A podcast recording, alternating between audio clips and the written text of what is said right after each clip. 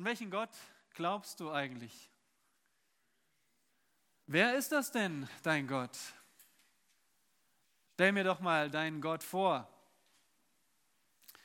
Vermutlich seid ihr alle schon mal mit solchen Fragen konfrontiert worden. Wer ist eigentlich dein Gott? An welchen Gott glaubst du da eigentlich? Dein Umfeld mag atheistisch sein oder es mag kirchlich sein. Dein Umfeld mag muslimisch sein. Es kommt die Frage nach der Vorstellung von Gott. Und vielleicht stellst du dir heute Nachmittag selbst die Frage, ich weiß es eigentlich gar nicht so richtig. Wer ist eigentlich dieser Gott, von dem hier gesprochen wird, von dem die Bibel spricht? Wer ist dieser Gott? Um welchen Gott geht es? Anstatt uns auf spekulative Weise uns selbst vorzustellen, wer denn Gott sein könnte, wollen wir heute sehen, wie Gott sich selbst vorstellt. Und schlag dazu bitte 1. Mose Kapitel 1 auf. 1. Mose 1.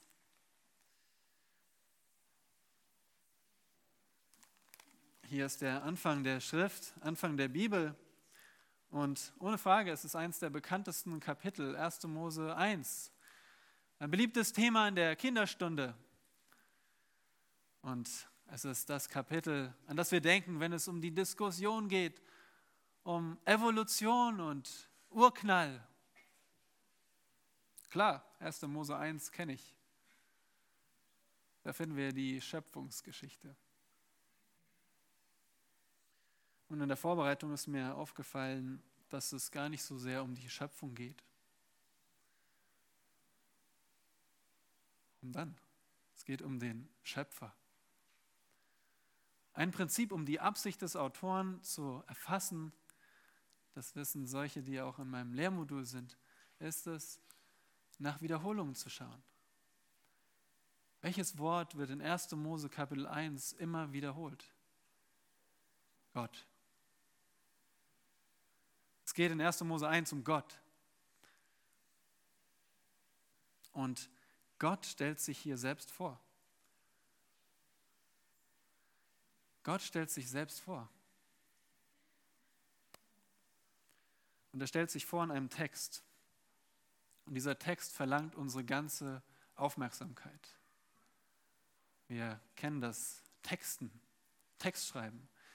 Viele von uns und mich selbst eingeschlossen, wir, wir haben schon diese Gewohnheit übernommen von unserer Kultur, kurze Nachrichten zu schreiben. Nachrichten, die gar keine Sätze mehr sind, sondern nur noch Informationen hin und her zu schreiben. Ich komme, ja, geht gleich, super. Und die Gefahr ist, dass wir in Texten nur noch nach Informationen schauen. Der Pastor und Theologe David T. Gordon bemerkt, wir lesen Texte, um zu sehen, wie sie bestätigen, was wir bereits über die Realität glauben. Texte sind Spiegel, die sich selbst widerspiegeln. Es sind keine Bilder, die an sich geschätzt werden. Was meint er damit? Er meint, wir kommen zu Texten und wir wir suchen nur das, was wir ohnehin schon darin kennen. Wir suchen das, das, das Vertraute. Und gerade bei 1. Mose 1 ist das die Gefahr, dass wir einfach diesen Text lesen und dass wir die Informationen wieder neu in Erinnerung gerufen bekommen, aber dass wir gar nicht begreifen, äh, was ist dieses Bild hier? Wie wird uns Gott vorgestellt? Wie ist dieser Text strukturiert? Wie malt er uns den Schöpfer vor Augen? Und diese, diese Fähigkeit müssen wir neu, neu lernen. Unser Predigttext ist so ein, ein Bild, ein Gemälde. Und das verlangt unsere ganze Aufmerksamkeit. Und mein Gebet ist, dass wir alle jetzt diesem Bild Aufmerksamkeit schenken, dass wir äh, betrachten alles, was uns der Schreiber hier vorstellt. Jeder Text hat auch einen Kontext. Unser Text ist die Einleitung in das erste Mosebuch und ihr erinnert euch, erste Mose ist der erste Teil der fünf Bücher Mose. Da geht es um das Volk Israel. Das Volk Israel, dem wurde das Buch gegeben. Erste Mose zeigt uns, wie Gott seine Schöpfung ursprünglich segnet. wie der Segen auf tragische Weise verloren ging. Wie alle Menschen am Ende als verloren und verdorben dastehen, von Gott in Völker zerstreut werden und Gott einen Mann, nämlich Abraham, erwählt, um alle Menschen durch ihn zu segnen. Und das ist die Grundlage für 1. bis 5. Mose. Auf dieser Grundlage ist das Volk Israel zum Bundesvolk Gottes geworden. Und sie waren ein Volk, das Gott abgesondert hat. Abgesondert von den anderen Völkern. Und wie hat er das gemacht? Vor allem durch, durch die Weltsicht, die er ihnen zeigt. Na klar, auch durch das, was sie nicht essen durften, was sie essen durften, aber vor allem dadurch, was sie geglaubt haben. Und diese Weltsicht finden wir in 1. Mose 1. Die war völlig anders als die Zeitgenossen. Kennt ihr das nicht auch? Schöpfung? Ist das der Mainstream? Ist das, was die Menschen glauben?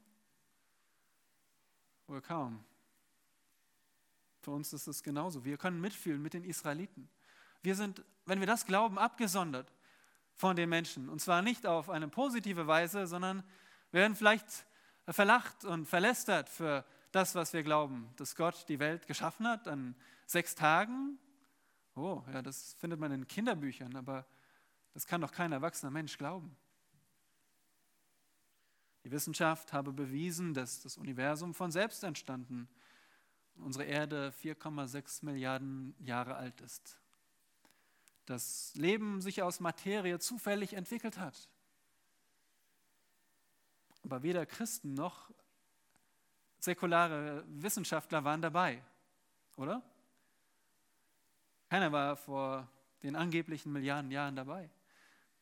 Und so kommt es letztendlich zu der Frage, was glauben wir? Oder besser gesagt, wem glauben wir? Wem glauben wir?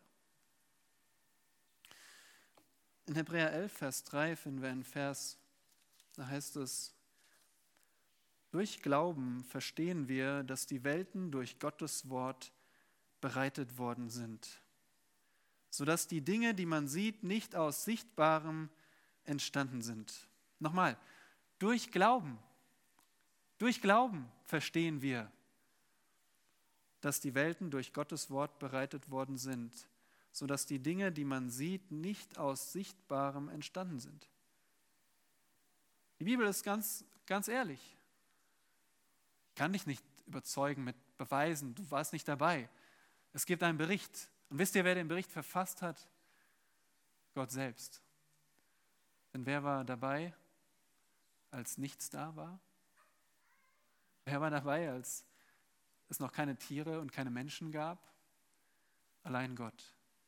Und so finden wir in 1. Mose 1 den Augenzeugenbericht von Gott. Und nun ist es deine, deine Entscheidung, ob du diesem Bericht glaubst oder ob du Gott zum Lügner machst. Ja, um diesen Text zu predigen, habe ich mich gefragt, wie sollen wir eigentlich auf diesen Text reagieren? Weil eine Predigt stellt uns nicht nur vor Augen, was Gott sagt, sondern auch, wozu er es sagt. Wozu, wozu sollten wir auf diesen alten Text auf 1. Mose 1 hören? Nun, aus demselben Grund, wie die Israeliten hören sollten. Die Israeliten hatte Gott aus Ägypten erlöst. Womöglich waren sie noch inmitten der, der Ägypter, als sie diesen Text zum ersten Mal gehört haben von der, von der Schöpfung. Und was war um sie herum? Götzen über Götzen. Die Ägypter haben einen Sonnengott gehabt und einen Mondgott und Tiere wurden angebetet, Tiergötter, Mensch und Tier. Man hat diese Statuen im Kopf, die man vielleicht im Geschichtsunterricht mal gesehen hat in den Geschichtsbüchern, wie die Götter der Ägypter aussahen. Die Israeliten waren unterwegs nach Kanaan, die Hochburg der Götzen. Überall Götzen. Götter des Lichts, der Dunkelheit, des Himmels, des Ozeans, Fruchtbarkeit, Tiere, überall Götzen. Und Israel sollte eins tun, sie sollten den wahren Gott anbeten. Merkt ihr, wie wir, wie wir in derselben Situation sind? Auch in, in deinem Leben geht es darum, wen du anbetest. Vielleicht hast du nicht die Versuchung, dich vor, vor Statuen niederzuwerfen. Und doch ist alles, was uns wichtiger ist als Gott, alles, was wir mehr achten als Gott, alles, was wir mehr verehren als Gott, ist unser Götze. Anbetung bedeutet Gott Ehre geben dafür, wer er ist und was er getan hat, sagt John MacArthur. Gott Ehre geben. Anbetung ist nicht nur am Sonntag, Nachmittag. Anbetung ist unser Leben. Was? Wem widmen wir unser Leben? Betest du den wahren Gott an? Dieser Text, 1. Mose 1, soll uns davor bewahren, dass wir den richtigen Gott meinen anzubeten, aber ein falsches Bild haben. Der Text soll uns bewahren davor, dass wir meinen, wir, wir beten doch den Gott der Bibel an, aber wir haben ein falsches Bild von ihm. Wir kennen ihn nicht wahrhaftig. Und deswegen lasst uns darauf hören, wie Gott sich vorstellt. 1. Mose Kapitel 1, Vers 1 bis 2, Vers 3. Im Anfang schuf Gott die Himmel und die Erde. Und die Erde war wüst und leer, und Finsternis war über der Tiefe. Und der Geist Gottes schwebte über den Wassern. Und Gott sprach, es werde Licht, und es wurde Licht. Und Gott sah das Licht, dass es gut war, und Gott schied das Licht von der Finsternis. Und Gott nannte das Licht Tag und die Finsternis nannte er Nacht. Und es wurde Abend und es wurde Morgen ein Tag. Und Gott sprach, es werde eine Wölbung mitten in den Wassern und es sei eine Scheidung zwischen den Wassern und den Wassern. Und Gott machte die Wölbung und schied die Wasser, die unterhalb der Wölbung von den Wassern, die oberhalb der Wölbung waren. Und es geschah so. Und Gott nannte die Wölbung Himmel, und es wurde Abend und es wurde Morgen, ein zweiter Tag. Und Gott sprach, es sollen sich die Wasser unterhalb des Himmels an einen Ort sammeln, und es werde das Trockene sichtbar. Und es geschah so. Und Gott nannte das Trockene Erde, und die Ansammlung der Wasser nannte er Meere. Und Gott sah, dass es gut war. Und Gott sprach, die Erde lasse Gras hervorsprossen, Kraut, das Samen hervorbringt, Fruchtbäume, die auf der Erde Früchte tragen, nach ihrer Art, in denen ihr Same ist. Und es geschah so. Und die Erde brachte Gras hervor, Kraut, das Samen hervorbringt, nach seiner Art, und Bäume, die Früchte tragen, in denen ihr Same ist, nach ihrer Art. Und Gott sah, dass es gut war. Und es wurde Abend und es wurde Morgen ein dritter Tag. Und Gott sprach, es sollen Lichter an der Wölbung des Himmels werden, um zu scheiden zwischen Tag und Nacht. Und sie sollen dienen als Zeichen und zur Bestimmung von Zeiten und Tagen und Jahren. Und sie sollen als Lichter an der Wölbung des Himmels dienen, um auf die Erde zu leuchten. Und es geschah so. Und Gott machte die beiden großen Lichter, das größere Licht zur Beherrschung des Tages und das kleinere Licht zur Beherrschung der Nacht und die Sterne. Und Gott setzte sie an die Wölbung des Himmels, über die Erde zu leuchten und zu herrschen, über den Tag und über die Nacht und zwischen dem Licht und der Finsternis zu scheiden. Und Gott sah, dass es gut war. Und es wurde Abend und es wurde Morgen, ein vierter Tag. Und Gott sprach, es sollen die Wasser vom Gewimmel lebender Wesen wimmeln und Vögel sollen über der Erde fliegen unter der Wölbung des Himmels.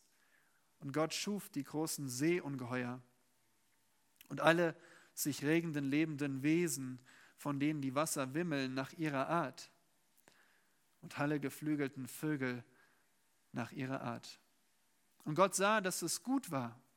Und Gott segnete sie und sprach, seid fruchtbar und vermehrt euch und füllt das Wasser in den Meeren und die Vögel sollen sich vermehren auf der Erde. Und es wurde Abend und es wurde Morgen, ein fünfter Tag. Und Gott sprach, die Erde bringe lebende Wesen hervor nach ihrer Art, Vieh und kriechende Tiere und wilde Tiere der Erde nach ihrer Art. Und es geschah so. Und Gott machte die wilden Tiere der Erde nach ihrer Art und das Vieh nach seiner Art und alle kriechenden Tiere auf dem Erdboden nach ihrer Art. Und Gott sah, dass es gut war. Und Gott sprach, lasst uns Menschen machen in unserem Bild, uns ähnlich. Sie sollen herrschen über die Fische des Meeres und über die Vögel des Himmels und über das Vieh und über die ganze Erde über und über alle kriechenden Tiere, die auf der Erde kriechen. Und Gott schuf den Menschen nach seinem Bild. Nach dem Bild Gottes schuf er ihn. Als Mann und Frau schuf er sie.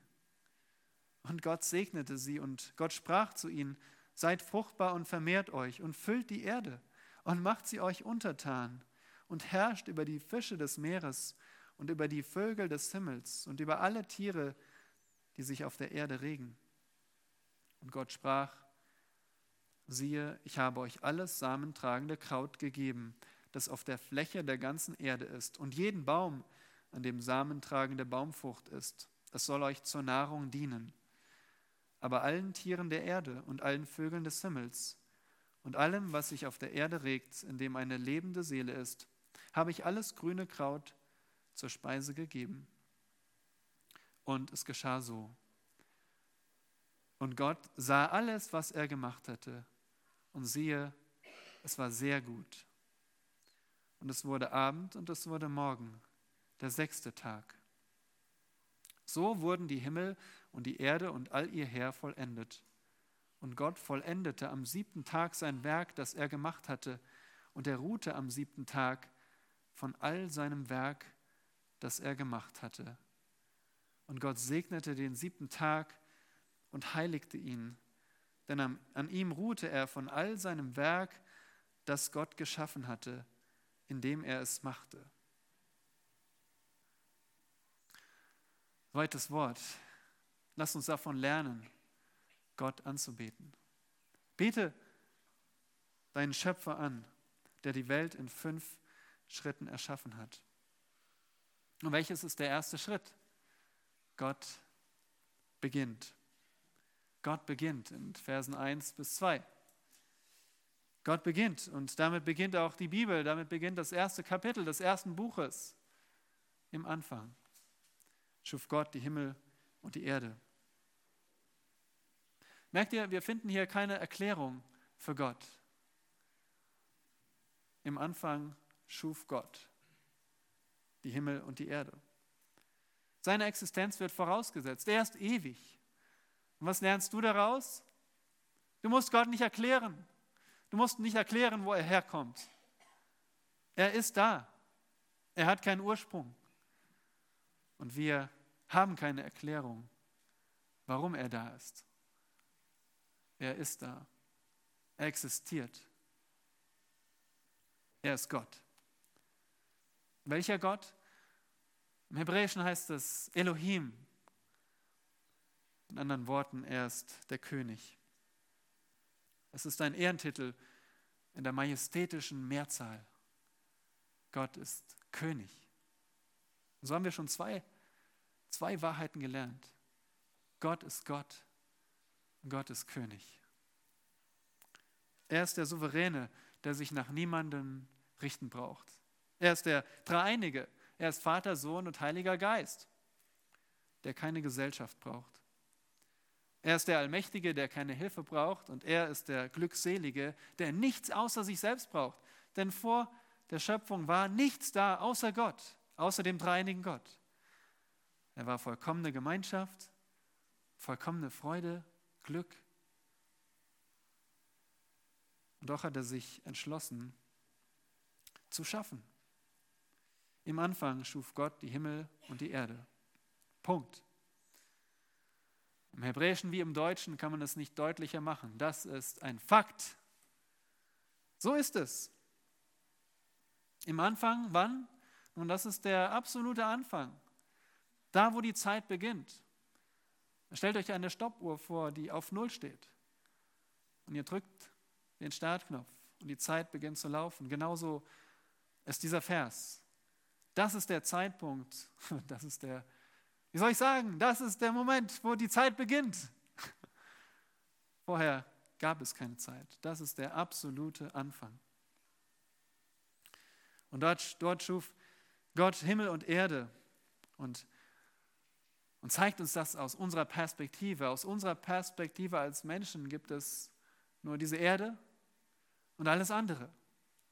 Der Planet Erde und, und alles drumherum. Damit sagt uns der Autor, Gott schuf das Universum. Im Anfang schuf Gott das ganze Universum. Was bedeutet es, dass er schuf? Nun schaffen bedeutet etwas Neues zu beginnen, etwas Neues in die Existenz zu bringen. Und das Interessante ist, dass dieses Wort nur in Verbindung mit Gott verwendet wird, in dieser Form. In anderen Worten, zu erschaffen ist Gottes alleiniges Vorrecht. Wir meinen da nicht mit etwas zu, zu bilden, was wir auch machen können, dass wir dass Kinder etwas basteln können, wie sie vielleicht in der Kinderstunde gleich machen. Nein, Gott hat aus dem Nichts geschaffen. Aus dem Nichts. Da war nichts da, mit dem er arbeiten konnte. Er hat aus dem Nichts das Universum gemacht. Und am Ende unseres Abschnitts, in 2 Vers 3 heißt es, dass Gott den siebten Tag segnete und an ihm ruhte von all dem Werk, das Gott geschaffen hatte, indem er es machte. Interessant, wie dieses Wort schaffen wie eine Klammer um den Abschnitt steht. Am Anfang und am Ende. Uns zu zeigen, dass Gott der Allmächtige ist. Er ist der Schöpfer, der allein aus dem Nichts Dinge ins Dasein rufen kann. Und wie geht es weiter? Vers 2. Und die Erde Merkt ihr die Wiederholung? Der erste Vers endet mit der Erde und der zweite Vers beginnt mit der Erde. Was können wir daraus lernen? Nun, Gott konzentriert sich auf die Erde, oder? Mit seinem Bericht. Wir erfahren nichts von den anderen Planeten oder wir wissen nicht, wie viel war denn schon da. Wir wissen, die Sonne, der Mond, die Sterne wurden am vierten Tag geschaffen. Wir erfahren nichts über das, äh, den Rest des Universums, der so unfassbar groß ist. Nein, Gott konzentriert sich hier auf die Erde. Wir erfahren, was mit der Erde passiert. Und die Erde, die Bühne Gottes, war wüst und leer. Wörtlich Tohu Wavohu. Wer hat das schon mal gehört? Tohu Wavohu. Doch so wenige nur? Ich dachte, das ist bekannter. Wir kennen es auch als Tohu Wabohu benutzen gerne Eltern, wenn sie in das Kinderzimmer kommen. Was für ein Tohu Wabohu. Okay, ein paar von euch haben es schon mal gehört. Wann sagen sie das? Nun, wenn es ein Durcheinander ist, wenn es ein Chaos ist, oder? Aber Vorsicht, nicht zu voreilig. Was meint Gott damit? Tohu Wavohu bedeutet wörtlich formlos und leer. Formlos und leer. Die Erde war formlos und leer. Sozusagen, es ist sozusagen die Rohmasse des Töpfers, der zuerst mal seinen Klumpen Lehm nimmt, auf die Drehscheibe legt und dann beginnt nach und nach daraus zu formen und diesen ganzen Klumpen in eine schöne Form zu bringen, in eine Vase oder ein ein Topf, was auch immer. Das ist damit gemeint. Leider wird dieser Vers 2 auch missverstanden. In den 1820er Jahren äh, formulierte ein gewisser Thomas Chalmers die sogenannte Lückentheorie. Habt ihr davon schon mal gehört? Die Lückentheorie wird auch Wiederherstellungstheorie genannt. Wiederherstellungstheorie. Ich selbst habe diese Theorie selbst als Jugendlicher übernommen. Ich habe meine Studienbibel gelesen und dort stand das drin. Ich habe das auch übernommen und erst später mich habe korrigieren lassen. Nun, was besagt die Lückentheorie? Sie besagt, dass Gott am Anfang eine makellose Schöpfung schuf. Vers 1. Und dann in Vers 2, dass Satan, der gefallene Engel, rebellierte und Gottes Zorn auf sich zog und so Gott in einem großen Gericht die Welt verwüstete und dann ab Vers 3 anfängt, sie wiederherzustellen und neu zu schaffen. Anders gesagt, Vertreter dieser Theorie lesen den Vers so, und die Erde wurde wüst und leer. Nun, was sagt unser Autor zu dieser Sicht? Drei Dinge. Erstens, Vers 2 beschreibt keine Handlung, sondern einen Umstand. Vers 2 beginnt nicht mit und Gott sprach und Gott tat und Gott nannte. Vers 2 beginnt und die Erde und plus ein Nomen. Braucht ihr euch nicht zu merken, aber das bedeutet im Hebräischen eine, einen getrennten Satz, der, der, der einen Umstand beschreibt. Nämlich in dem Umstand, in dem sich die Erde befand. Zweitens steht hier nicht wurde, sondern war. Das Verb ist ein Zustandsverb. Es beschreibt einen Zustand, keine Handlung. Sonst wäre das anders ausgedrückt worden. Da steht nicht wurde, sondern war. Hier verbirgt sich keine Aktion, kein Kampf, keine Zerstörung. Und drittens, in 1 Vers 31 steht, und Gott sah alles, was er gemacht hatte, und siehe, es war sehr gut. Außer Satan und seine Dämonen treiben ihr Unwesen. Stellt euch das vor, zu sagen, Gott sagt, alles ist gut und Satan und die Dämonen sind zum selben Zeitpunkt schon existent und die Erde ruht auf einer Schicht von Fossilien, von Tod und vergangener Zerstörung. Hier geht es nicht um Rechthaberei, hier geht es um Gottes Wesen. Sagen wir, dass der, dass der gute Gott zu einer Welt mit vergangenem Tod und Satan in der Existenz sagen kann, dass sie gut ist? Nein. Und darum ist diese Theorie falsch und wir müssen sie verwerfen. Aber was lehrt uns eigentlich Vers 2? Die Erde war formlos und leer. Noch formlos und leer, denn Gott beginnt sein Werk. Der Geist Gottes, das ist der Heilige Geist. Er ist, wird beschrieben wie ein Vogel, der vibriert und der zum Leben anregt. Der Heilige Geist ist der Lebensspender, auch in unserem Leben. Der Heilige Geist hat uns neues Leben gewirkt. Im Folgenden sehen wir, wie Gott die formlose und leere Erde formt und füllt. Schaut mal auf euer Gemeindeblatt. Da habt ihr eine Tabelle, die uns das ja so bildlich vor Augen zeigen soll. Da seht ihr auf der Seite, auf der rechten Seite die einzelnen Tage, 1, 2, 3 und dann da rechts daneben 4, 5 und 6. Und hier seht ihr, wie, wie wunderbar Gott vorgeht, dass er zuerst die Erde formt und dann füllt. Am ersten Tag hat er das Universum geformt und das Licht getrennt von der Finsternis. Und am vierten Tag füllt er das Universum mit den Lichtern, Sonne, Mond und Sternen. Am zweiten Tag formt er die Atmosphäre und am fünften Tag füllt er sie mit Vögeln und die Wasser mit Wassertieren. Und am dritten Tag formt er das Land aus dem Meer und am sechsten Tag füllt er das Land mit Tieren und dem Menschen. Was für eine, was eine wunderbare Struktur. Und das zeigt uns eine weitere Wahrheit über unseren Gott, den wir anbeten. Nämlich Gott ist ein Gott der Ordnung. Gott ist ein Gott der Ordnung.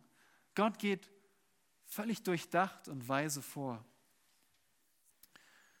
Und so lasst uns staunen, wie Gott die Erde formt und füllt. Zweitens, Gott formt. Unser zweiter Punkt ist, Gott formt. Unser zweiter Schritt, besser gesagt. Und das sehen wir ab Vers 3. Gott sprach, es werde Licht. Ja, wer hat das nicht schon mal gehört? Mein Kollege knippt das, knipst das Licht an und sagt, und Gott sprach, es werde Licht. Ja, Menschen machen sich so einen Jux daraus, aber das ist nicht damit gemeint. Gott hat nicht nur den Lichtschalter gedrückt. Gott hat aus dem Nichts Licht geschaffen. Licht.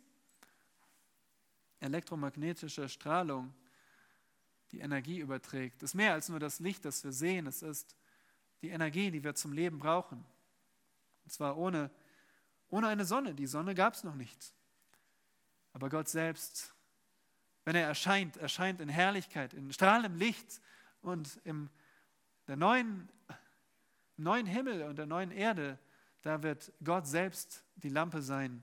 Es braucht keine Sonne. Gott selbst ist das Licht.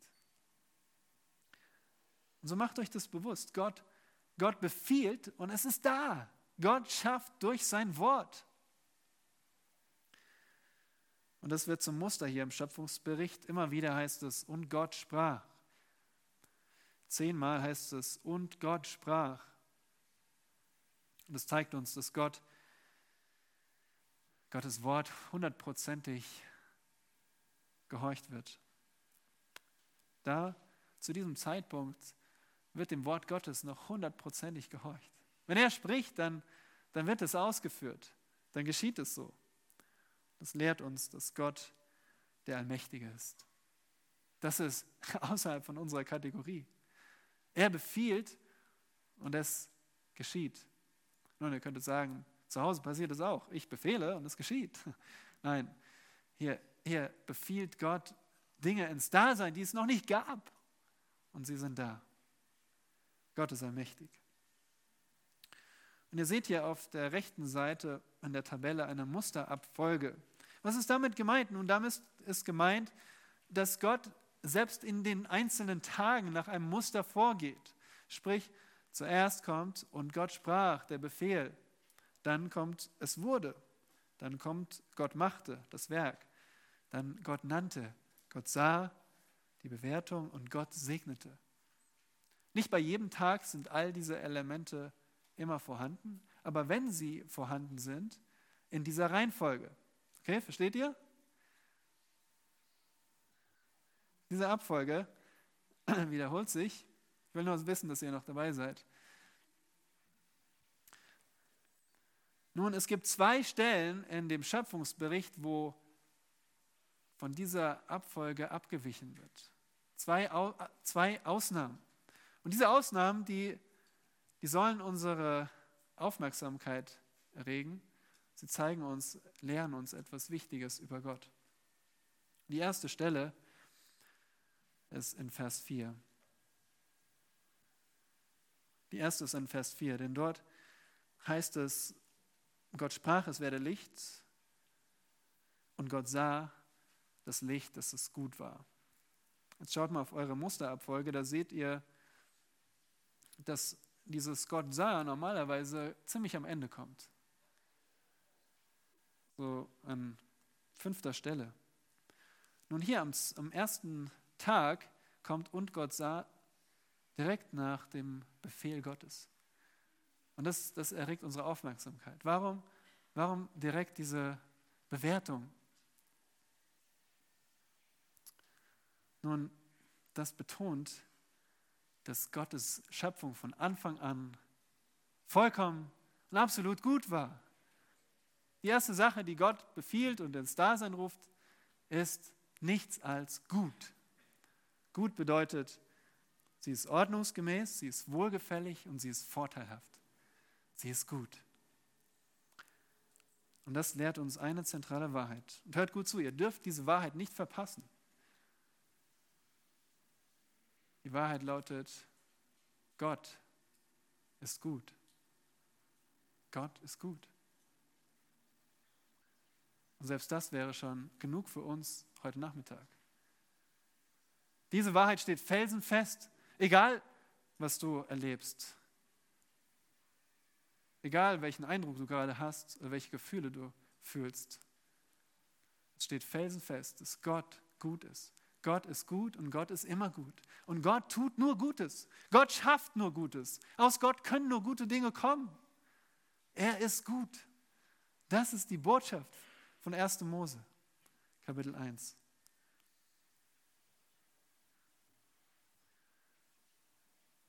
Und so zeigt uns Gott hier in weiser Voraussicht, dass Theorien wie die Lückentheorie falsch sind.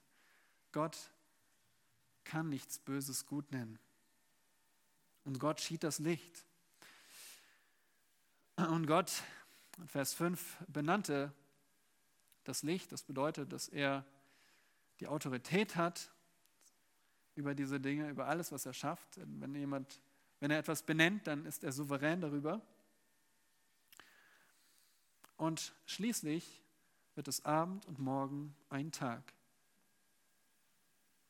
Und das finden wir an jedem Tag, dieser Wechsel von Abend, also Dunkelheit, und Morgen. Ein Tag. Und wie lange dauert ein Tag?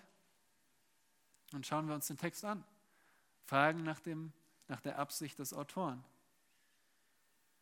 Der Autor nennt es Tag. Der Autor nummeriert die Tage. Der Autor beschreibt den Tag als wiederkehrende Abfolge von Abend und Morgen. Er unterscheidet Tage von Saisons und Jahren, schaut man in 1, Vers 14. Und da findet ihr in dem Text, in, der, in dem Vers in der Mitte, dass die Lichter am Himmel als Zeichen dienen und zur Bestimmung von Zeiten und Tagen und Jahren. Also in anderen Worten, ein Tag ist ein Tag und kein Jahr. Ein Tag ist etwas anderes als ein Jahr. Ein Tag ist ein Tag. Und schließlich zeigt der Autor seine Definition auf den zehn Geboten, auf den Steintafeln. 2. Mose 20, Vers 11 ist das Gebot, den Sabbattag zu heiligen. Sabbattag zu heiligen. Denn in sechs Tagen hat Jahwe Himmel und Erde gemacht und das Meer und alles, was darin ist. Und er ruhte am siebten Tag. Darum hat Jahwe den Sabbattag gesegnet und geheiligt. In anderen Worten, ein Tag in 1. Mose 1 ist ein Tag zur Zeit, als Israel in Ägypten oder am Sinai war, ist ein Tag, den wir heute erleben. Es ist ein 24-Stunden-Tag und ein Tag wird definiert durch eine Erdumdrehung. Das heißt, auch damals hat die Erde sich gedreht in 24 Stunden. Und so schafft Gott die Welt an sechs Tagen von 24 Stunden. Und damit ist auch die Rahmenhypothese abgelehnt, die versucht, in den Tagen lange Stadien oder lange Zeitalter zu sehen. Nein, der Autor ist König über den Text und er zeigt uns, Gott schuf die Erde in sechs Tagen. Vers 6. Wir kommen zum zweiten Tag. Gott schuf die Wölbung, die Atmosphäre. Und hier müssen wir natürlich etwas schneller vorgehen, weil wir können nicht jedes einzelne erklären, auch wenn ich das gerne machen würde, dass wir Zeit daran verwenden. Aber ich kann nur so lange sprechen, wie ihr mir zuhört, wie ihr aufmerksam seid. Und darum muss ich euch auch anschauen und schauen, ob ihr dabei seid. Nun, der zweite Tag, ihr seht es auch in der Tabelle, geht es um die Atmosphäre. Gott schafft eine Wölbung zwischen den Wassern. Sprich, da sind Wasser auf der Erde und, und dann eine, eine Ausdehnung, sagt die Schlachter, und darüber noch mehr Wasser. Und diese Ausdehnung, diese Atmosphäre ist wichtig, damit wir leben. Und wer liebt es nicht, den, den Himmel zu betrachten? Heute so wunderbar, obwohl ja, Regen angesagt war, auf einmal heute Morgen, Vormittag, zieht es klar und die Sonne erscheint und der blaue Himmel zu sehen. Wisst ihr, Geschwister, wenn ihr, wann immer ihr den, den Himmel anschaut, denkt an Gott. Ab heute. Wann immer ihr in den Himmel schaut, denkt an Gott. Denn das ist der, der Grund, warum er es geschaffen hat. Damit wir an ihn denken. Daran, dass er den Himmel gemacht hat. Die Atmosphäre, in der wir leben können die Luft, die wir atmen. Das ist der zweite Tag. Und an dieser Stelle kommt auch das, die zweite Abweichung von unserem Muster. Vers 7. Und Gott machte die Wölbung und schied die Wasser, die unterhalb der Wölbung von den Wassern, die oberhalb der Wölbung waren. Und es geschah so. Und jetzt geht mal in eure Musterabfolge, da seht ihr dieses geschah so oder es wurde, kommt eigentlich immer direkt nach Gott sprach, oder? Seht ihr das in der Tabelle? Nun, hier kommt das geschah so erst später nach dem Werk, also nachdem Gott machte und tanzt hier aus der Reihe sozusagen. Das ist die zweite Ausnahme von, diesem, von dieser Musterabfolge und das betont eine weitere Wahrheit über unseren Gott. Und es geschah so. Schlagt mal dazu 2. Könige 25, Vers 12 auf und wir ein bisschen unsere Finger bewegen. 2. Mose, 2. Könige meine ich, 2. Könige 15, Vers 12. 2. Könige 15, Vers 12. Andere, anderes Buch geht um die, die Könige Israels und wir wollen gar nicht so sehr jetzt den Kontext betrachten hier, sondern nur diesen Ausdruck suchen. Da steht, so erfüllte sich das Wort, das Jahwe zu Jehu geredet hatte, als er sprach, es sollen Nachkommen von dir bis ins vierte Glied auf dem Thron Israels sitzen. Und es geschah genau so. Dieser Ausdruck, dieser Ausdruck, den finden wir in 1. Mose 1, in Vers 7. Und es geschah so. Das drückt aus, dass es einfach genau so geschah, wie Gott es vorherbestimmt hat oder vorher gesagt hatte. Was lehrt uns das in 1. Mose? Es zeigt uns, dass dieser Bericht kein Märchen ist. Es zeigt uns, dass es genau so, haargenau so passiert ist. Ihr könnt da absolut darauf vertrauen, dass das, was da steht, so ist es passiert. Genau so. Genau so. Das zeigt uns, dass Gott der Wahrhaftige ist. Sein Wort ist absolut wahr und zuverlässig. Dieser Bericht ist wahr. Es ist kein Märchen. Genau so ist es passiert. Denn Gott ist wahrhaftig.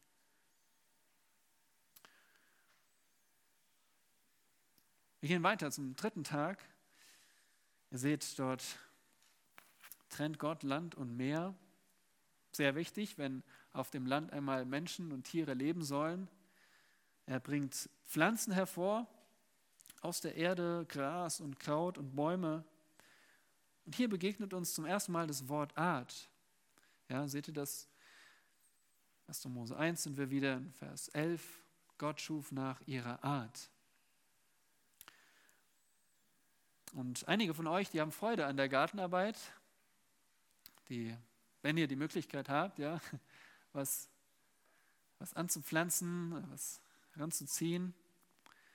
Und ihr geht auch manchmal in den Baumarkt vielleicht und kauft euch Samen, kauft euch vielleicht Tomatensamen, wenn ihr eine Tomatenpflanze haben möchtet. Und ihr würdet niemals erwarten, dass wenn ihr jetzt die Tomatensamen anpflanzt, dass auf einmal Himbeeren rauskommen. Warum? Weil Gott die Pflanzen nach ihrer Art geschaffen hat. Nach ihrer Art. Das ist Gottes Werk. Er befähigt die Pflanzen zur Fortpflanzung. Und er brauchte nicht erst Jahre warten, sondern sie waren sofort da und groß. Und so lernen wir, dass Gott auch die Fruchtbarkeit erschuf. Es ist in Gottes Hand, Frucht zu schenken oder nicht. Gott ist Herr über die Fruchtbarkeit. Und wenn ihr in eine Frucht beißt, Ab heute denkt ihr an den Schöpfer. Ihr denkt an Gott, wenn ihr den Apfel beißt oder die Banane oder was auch immer. Gebt Gott die Ehre. Er ist derjenige, der es gemacht hat. Und so kommen wir zum, zum, zum dritten Schritt, nämlich nachdem Gott an drei Tagen die Erde geformt hat, füllt er sie jetzt an weiteren drei Tagen. Am vierten Tag füllt Gott das Weltall mit Sonne, Mond und Sternen. Aber ist euch aufgefallen, dass sie gar nicht Sonne, Mond und Sterne genannt werden? Wie werden sie genannt? Sie werden Lichter genannt. Lichter, einfach Lichter. Weil in den Ägypten und wo auch immer wurde Sonne und Mond und Sterne angebetet. Gott nennt sie einfach Lichter. Und ich habe mich gefragt, als ich das gelesen habe, was bedeutet das? dass sie an der Wölbung sind. Man denkt vielleicht an, an diese Bilder, ja, das, das sogenannte biblische Weltbild, eine flache Scheibe mit einer Kuppel drüber und da sind dann so die Sterne und die Sonne angeheftet. Ist das, was hier gemeint ist? Nun, ihr braucht Gott nicht beibringen, wie das Universum aufgebaut ist. Nein, aber Gott kommuniziert zu uns Menschen. Und von unserer Perspektive aus müssen wir nicht erst ins Weltall fliegen, um die Sterne zu sehen oder die Sonne zu sehen, sondern aus unserer Sicht sind sie am Himmel. Da, wo wir sonst den blauen Himmel sehen, da sind auch die Sterne oder die Sonne und der Mond. Und Gott nennt uns einen dreifachen Zweck der Lichter. Sie unterscheiden zwischen Tag und Nacht. Sie zeigen uns verschiedene Dinge, Gottes Herrlichkeit, das Wetter, Orientierung oder sind eine Orientierung für Zugvögel, wie ich gelernt habe. Und der dritte Zweck, sie scheinen auf die Erde, sie geben uns Licht. Sie geben uns Licht. Und dann, so unfassbar, schaut mal in Vers 16, und die Sterne. Mit drei Worten beschreibt Gott alle Sterne, die er geschaffen hat. Unsere Milchstraße soll allein 100 Milliarden Sterne haben und von solch einer Galaxie soll es noch zwei Billionen geben. Unfassbar. Gott schuf sie am vierten Tag und erwähnt sie in wenigen Worten. Warum? Weil diese Lichter Knechte sind für uns, für die Erde. Mehr, mehr nicht. Sie sind Knechte für die Erde. Und das ist nicht, weil wir so toll sind, sondern weil es Gottes Absicht ist. Und darum sucht nicht in Horoskopen nach Wegweisung. Sterne sind für die Erde bestimmt, nicht wir für die Sterne. Und es lehrt uns vielmehr, dass Gott groß und herrlich ist. Und das nächste Mal, wenn ihr die Sonne seht oder wenn ihr die Sterne seht, wenn ihr den Mondschein seht, dann denkt ihr an Gott. Dann denkt ihr an den Schöpfer der diese Lichter gemacht hat, aus dem Nichts, durch sein Wort, zu seiner Herrlichkeit. Der fünfte Tag, am fünften Tag füllt Gott die Atmosphäre mit Vögeln und die, die Meere mit Tieren. Ja, tatsächlich steht hier das hebräische Wort für Ungeheuer, Seeungeheuer. Gott schuf auch die großen Meerestiere. Wer weiß, wie viele schon ausgestorben sind, aber der Blauwal, der ist uns noch geblieben. Ich finde es toll, einfach äh, Aufnahmen davon zu sehen oder mir vorzustellen, wie groß diese Tiere sind. Aber es zeigt uns, dass Gott noch viel größer ist, denn er hat sie gemacht und er hält sie in der Hand. Nun, damit ist sogenannt, der sogenannten Evolutionstheorie auch jeglicher Boden genommen. Ihr seht hier, wie es weiter betont wird, dass Gott alle Tiere nach ihrer Art macht. Vers 21. Und alle geflügelten Vögel nach ihrer Art. Eine Art sind solche, die miteinander Nachkommen haben können. Okay? Und so gibt es hier keine Entwicklung von Fischen zu Säugetieren. Wir brauchen nicht spekulieren. Wir brauchen auch nicht versuchen, sogenannte Wissenschaft, die einfach die Welt ohne Gott erklären will, mit der Bibel zu vereinen. Hier gibt es keine Evolution. Warum nicht? Weil es da steht. Gott schuf die Tiere nach ihrer Art. Warum? Weil Gott gut ist. Evolution sagt, und hier gibt es einen Irrweg und da gibt es einen Irrweg und so und so und irgendwann kommt dann was Gutes bei raus. Nein, Gott, Gott, Gott versucht nicht zehnmal zu schießen, um das Ziel zu treffen. Er schafft einmal und die Tiere funktionieren und sind, sind einfach gut. Und er ist der Urheber des Lebens. Hier lesen wir zum ersten Mal von lebenden Wesen. In dem Sinne sind also Pflanzen keine Lebewesen. In dem Sinne, dass sie keine Seele haben. Gott definiert, was, was Leben ist, nicht die Biologen. Gott definiert. Und so kommen wir zum sechsten Tag und am sechsten Tag, Vers 24, füllt Gott das Land mit allerlei Landtieren. Und wieder betont er, dass sie nach ihrer Art geschaffen wurden. Keine Evolution. Vielmehr eine große Vielfalt. Gott liebt Vielfalt. Ja? Gott hat nicht nur eine Art Tier geschaffen, er hat viele Tiere geschaffen. Viele, und zwar Nutztiere für Menschen und kriechende Tiere und wilde Tiere. Und wir alle haben ein, ein Lieblingstier. Vielleicht denkst du gerade an dieses eine Lieblingstier, das dir jetzt vor Augen ist. Aber wisst ihr, wann immer ihr ein Tier seht, denkt an den Schöpfer. Auch bei den kriechenden Tieren in eurem Haus, in eurer Wohnung. Ja, selbst Insekten, vor denen du dich fürchtest, denke dennoch an den, den guten Gott, den kreativen Gott, der sie schuf. Diesem Gott dienen wir.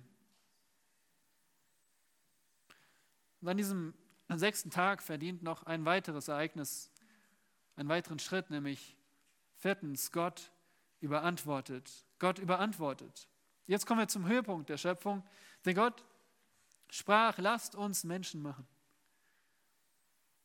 Hier sehen wir eine Mehrzahl innerhalb der Gottheit. Lasst uns Menschen machen. Lasst uns. Gott, Vater, Sohn und Heiliger Geist sprechen diesen Entschluss aus. Auf dieses Ziel hat Gott die ganze Zeit hingearbeitet. Er hat die Meere vom Land getrennt, Atmosphäre geschaffen zuvor, er hat Pflanzen gemacht zur Nahrung, er hat Tiere gemacht, über die der Mensch herrschen kann und dann hat er den Menschen gemacht in seinem Bild. Und das Wort Bild bezeichnet eine geschnitzte Statue, die den König repräsentiert. Das haben die Könige so an ihren Grenzen aufgestellt, damit jeder weiß, hier ist mein Herrschaftsgebiet. Wenn ihr diese Statue seht, das ist mein Reich. Und so schnitzt Gott oder schafft Gott den Menschen als seinen Repräsentanten, um zu zeigen, das ist mein Reich, aber das ist mein Mitregent. Als Menschen sind wir als Mitregenten Gottes gedacht. Gott ähnlich. Also mit den Eigenschaften Gottes, sofern wir sie haben können. Und zwar als Mann und Frau. Wozu? Um zu herrschen. Worüber? über alle Tiere in der Luft, im Wasser und auf dem Land. Und nach dem Entschluss führt Gott den Plan aus. In Vers 27. Gott schuf den Menschen nach seinem Bild, im Bild Gottes. Schuf er ihn als Mann und Frau, schuf er sie. Als Mann und Frau. Und zwar reif und vollständig. Er hat keine Babys geschaffen, denn er hat zu ihnen gleich gesagt, dass sie herrschen sollen, dass sie sich vermehren sollen. Sie waren reif und vollständig geschaffen. Und hier lernen wir eine weitere Sache über uns auch, dass wir nämlich kein höher entwickeltes Tier sind. Diese Idee ist übrigens nicht neu. Selbst die alten Griechen hatten diese Vorstellung, dass der Mensch ein höher entwickeltes Tier sei. Es gibt nichts Neues. Evolution ist nichts Neues. Nein. Aber Gott sagt uns die Wahrheit. Wir, wir sind Gott ähnlich. Wir, wir haben Verstand, wir haben Wille, wir haben Moralbewusstsein, wir haben Emotionen und Kreativität und Persönlichkeit und Verantwortung.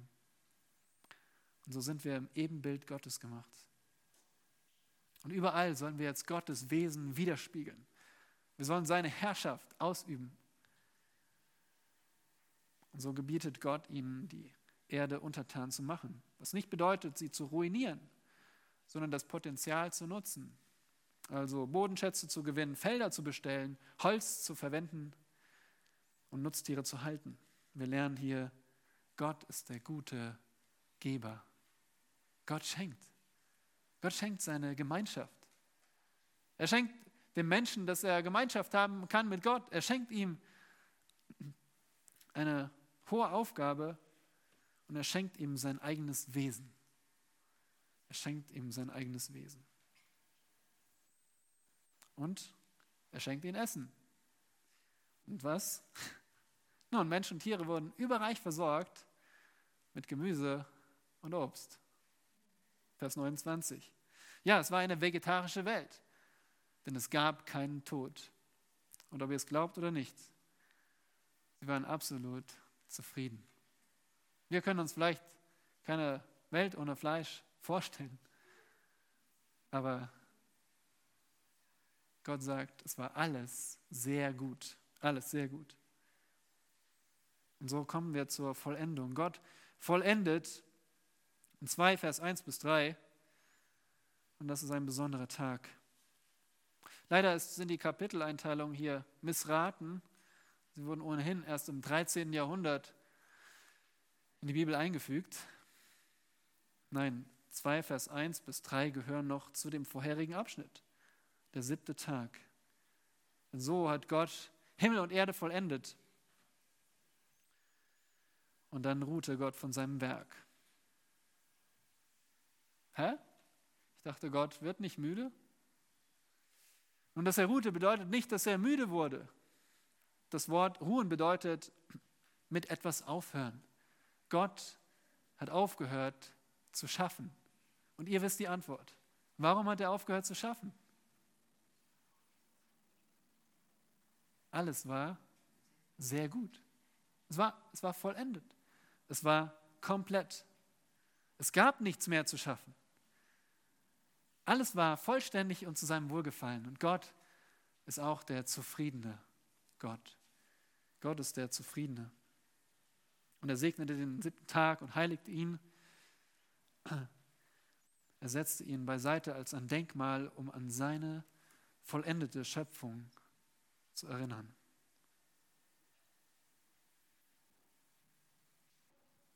Ja, sind wir damit am Ende? Nein.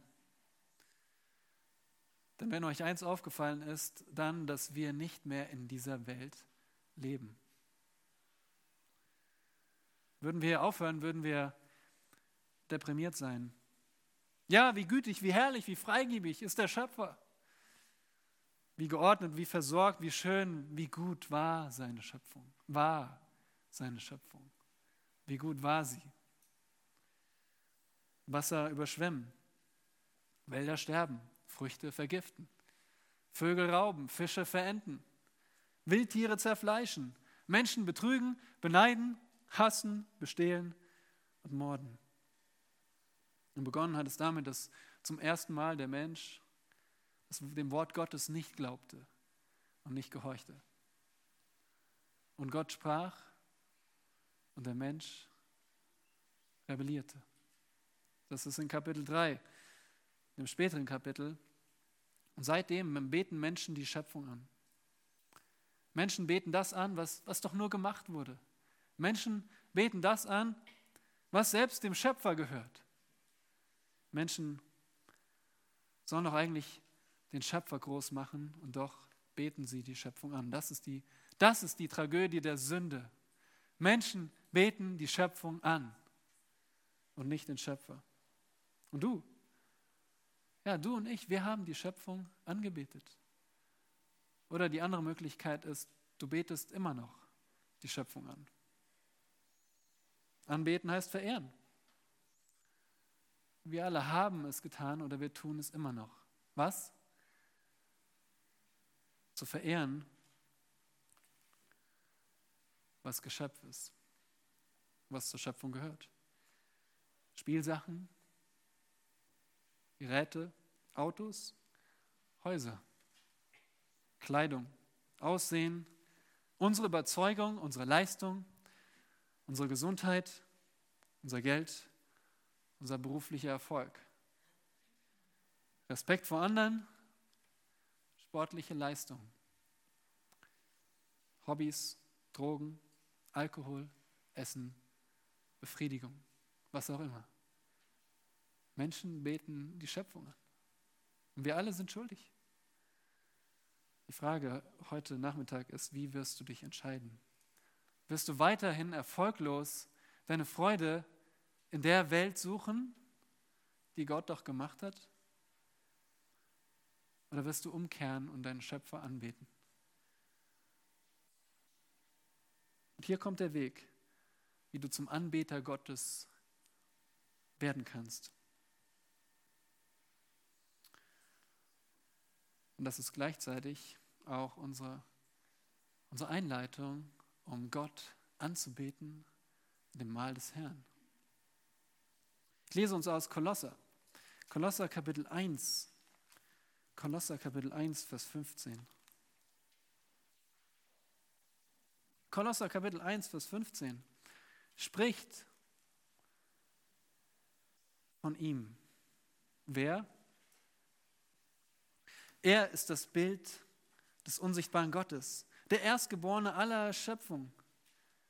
Denn in ihm ist alles in den Himmeln und auf der Erde geschaffen worden, das Sichtbare und das Unsichtbare. Seien Throne oder Herrschaften oder Gewalten oder Mächte, alles ist durch ihn und zu ihm hin geschaffen. Und er ist vor allem und alles besteht durch ihn. Und er ist das Haupt des Leibes der Gemeinde. Er ist der Anfang, der Erstgeborene aus den Toten, damit er in allem den Vorrang habe. Denn es gefiel der ganzen Fülle in ihm zu wohnen und durch ihn alles mit sich zu versöhnen indem er Frieden gemacht hat durch das Blut seines Kreuzes, durch ihn, sei es was auf der Erde oder was in den Himmeln ist. Und euch, die ihr einst entfremdet und Feinde wart, nach der Gesinnung in den bösen Werken, hat er nun versöhnt in dem Leib seines Fleisches durch den Tod, um euch heilig und tadellos und unsträflich vor sich hinzustellen, sofern ihr im Glauben gegründet und fest bleibt und euch nicht abbringen lasst von der Hoffnung des Evangeliums, das ihr gehört habt, das in der ganzen Schöpfung unter dem Himmel gepredigt worden ist, dessen Diener ich, Paulus, geworden bin.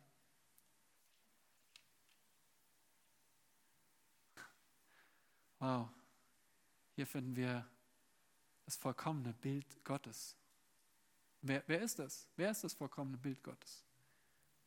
Vers 16. In ihm ist alles geschaffen worden. Dieses Bild Gottes ist der Schöpfer. Der Schöpfer. Das Bild Gottes, der Schöpfer. 17. Und er ist vor allem und alles besteht durch ihn. Er, er ist vor allem.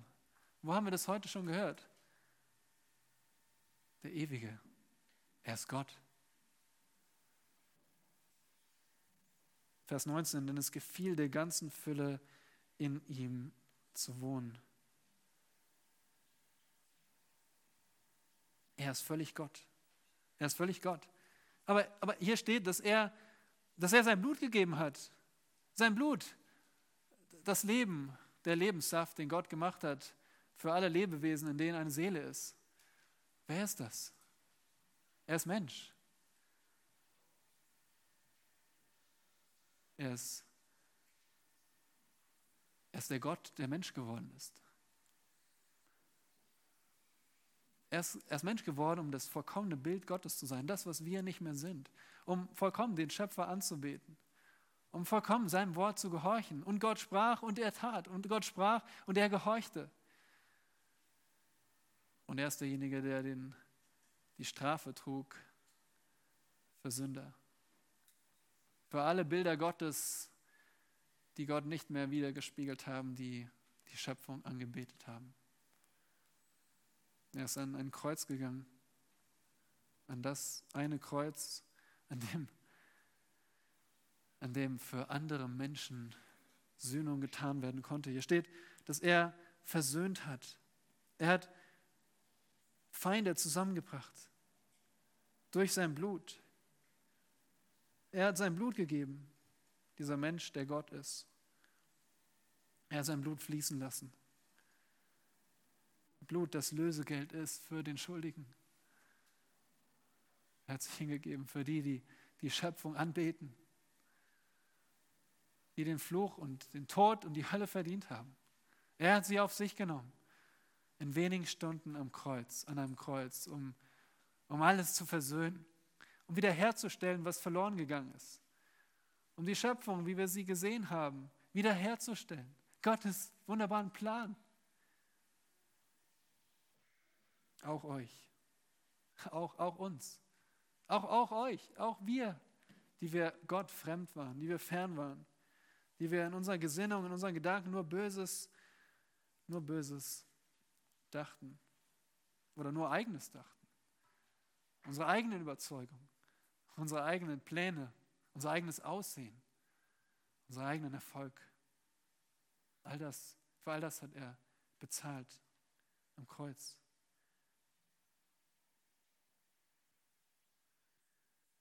Und er ist derjenige, der Erstgeborene aus den Toten, Vers 18. Er ist auferstanden. Er ist auferstanden von den Toten. Er ist nicht mehr tot. Er lebt. Und er ist aufgefahren in den Himmel. Und jeder, der an ihn glaubt, wird nicht verloren gehen, wird ewiges Leben haben und wird zum Anbeter Gottes werden.